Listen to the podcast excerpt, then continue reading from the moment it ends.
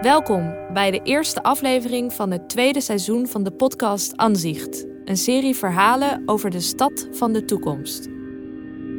Wat is echte liefde in de toekomst en hoeveel heb je daarvoor over? Je gaat luisteren naar het verhaal Leren Vergeten van Anne Eekhout. Een tragisch liefdesverhaal waarin menselijke trouw niet onvoorwaardelijk is. Ik wist nooit precies wat ik was. Wat ik moest zijn. Tot het beest verscheen. Ik wist alleen wat ik moest doen. Ik leer snel.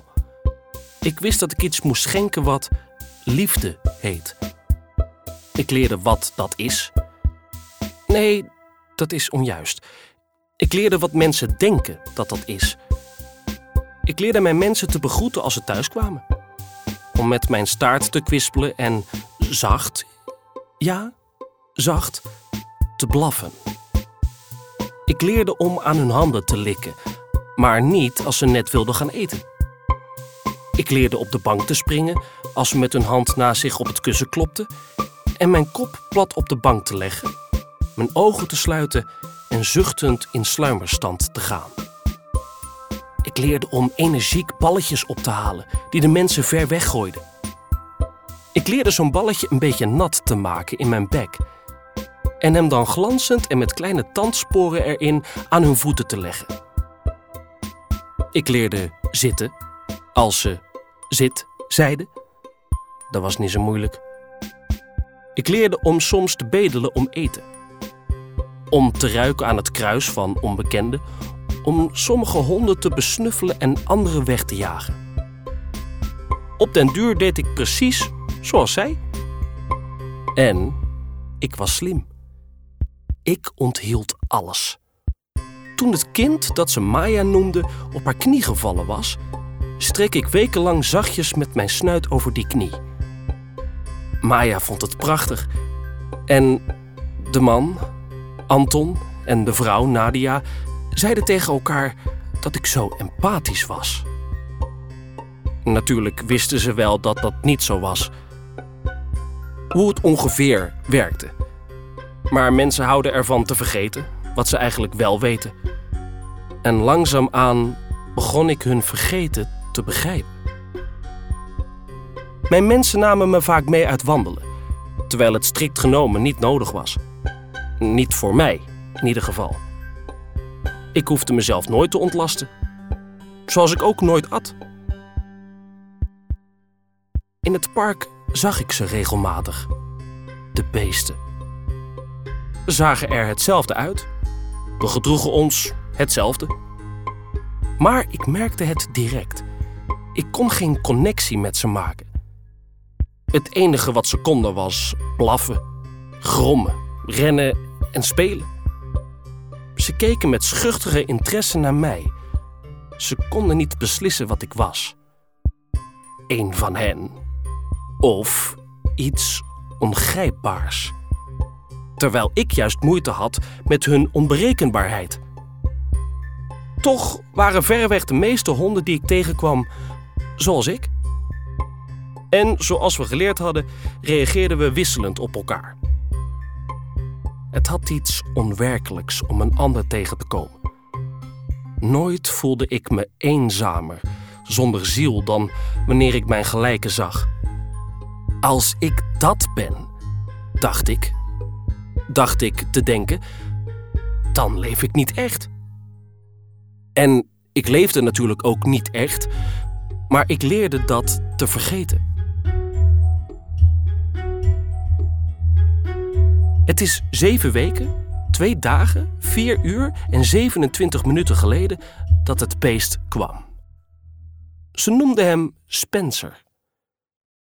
Hij eet zijn soja-haverbrokken en als ze gaan wandelen heeft hij geleerd zich te ontlasten in een toilet. Hij brengt ballen en stokken terug.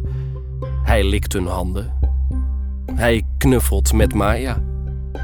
Hij jankt zachtjes als ze hem alleen laten. Zijn hartslag werkt op bloed. Toen het energiegebruik drastisch moest afnemen, werd de wet tot inperking van elektrische apparaten aangenomen. Die bepaalde dat in ieder huishouden slechts twee elektrische apparaten gebruikt mochten worden. Dat mensen moesten kiezen tussen hun droger en hun waterkoker, hun afwasmachine en hun fitnessapparaat. En zo werd mijn bestaan, in de hoedanigheid van hond, een complicatie. De meeste mensen hadden thuis één apparaat voor hun was en een kleiner apparaat voor stem- en tekstcontact met andere mensen. Navigatie, onderzoek, het lezen van boeken en kijken van programma's en films. Ik was geliefd. Ik hoorde bij het gezin, maar kleding wassen kon ik niet. Ik zag Anton dagelijks zwoegen in de keuken met twee emmers water, een wasbord en een bergje broeken, truien, beddengoed het was een dagelijks terugkerend tafereel. Ik zorgde ervoor dat ik mij op die momenten niet liet zien. Maar die liefde, die mensen kenden, die voelden ze voor mij. Ze vertrouwden mij hun geheimen toe. Dingen die ze niet eens met elkaar deelden. Ik kon goed luisteren. Ik onthield, maar ik vertelde nooit verder. Ze aaiden me, kroelden me ik voelde natuurlijk aan als een beest. Ik had een vacht. Het membraan eronder werd zacht en gelijkmatig verwarmd door energie die via het fotosynthetische proces in mijn haren werd opgewekt. Datzelfde systeem zorgde voor mijn bewegingen, was voeding voor mijn chips. Ik had een pulserende slag in mijn borst, in mijn hals en poten als ze hun hoofd in mijn nek legden, konden ze het voelen.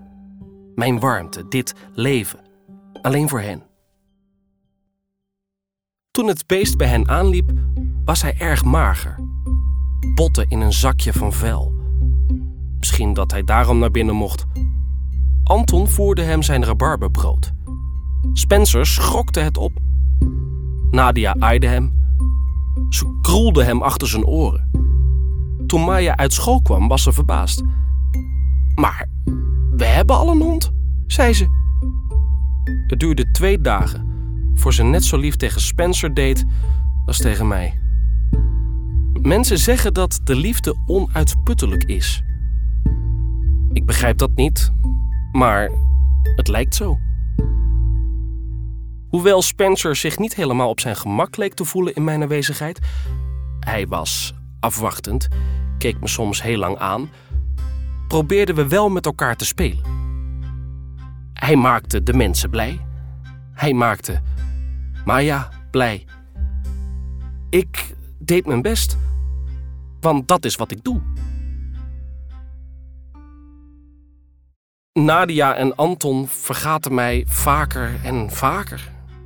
Ze namen Spencer uit wandelen. Ik, ik hoefde natuurlijk niet. Ze klopte voor hem op het kussen van de bank. Ze legde hun hoofd in zijn nek, voelde zijn warmte, zijn bloed. Als ze Spencer zijn sojabrokken gaven of af en toe stiekem een stuk mensen eten, sprong hij ongeduldig verlangend van de ene poot op de andere. De mensen lachten hierom, krabbelden hem achter zijn oren, gaven hem nog wat meer. Als ze de riem pakte voor de wandeling, maakte het beest diepverende sprongen en kwam er een hoge piep uit zijn bek. Iets wat de mensen leuk leken te vinden. Ik kon mij erover verwonderen hoeveel het beest nodig had. Ik kon mij erover verwonderen hoe graag de mensen het hem gaven.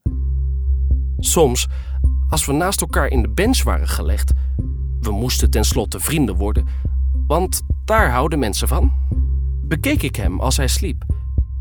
Zijn diepe, onrustige ademhaling, het trekken van een poot, het geluid en de geur van een plotselinge scheet.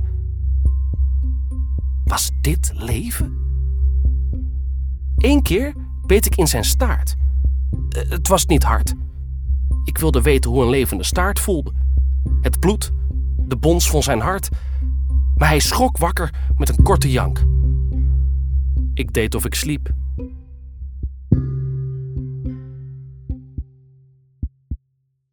Ik denk niet dat het een moeilijke keuze was. Het wassen met de hand was een tijdrovende en vervelende klus.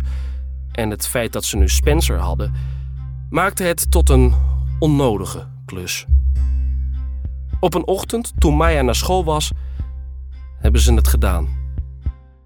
Met twee knopjes onder de vacht op mijn buik schakelden ze mijn energiesysteem uit.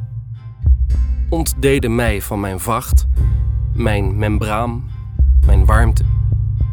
De pulserende slag die ik zo goed kende, die ik altijd met me meedroeg, verstomde.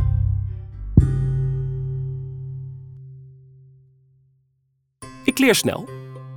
Ik weet nu welk wasprogramma bij welke kledingstukken hoort. Ik weet hoe ik mijn pluisfilter moet reinigen. Ik weet dat als er een felle kleur bij de witte was in de trommel wordt gedaan, dat ik een signaal moet geven.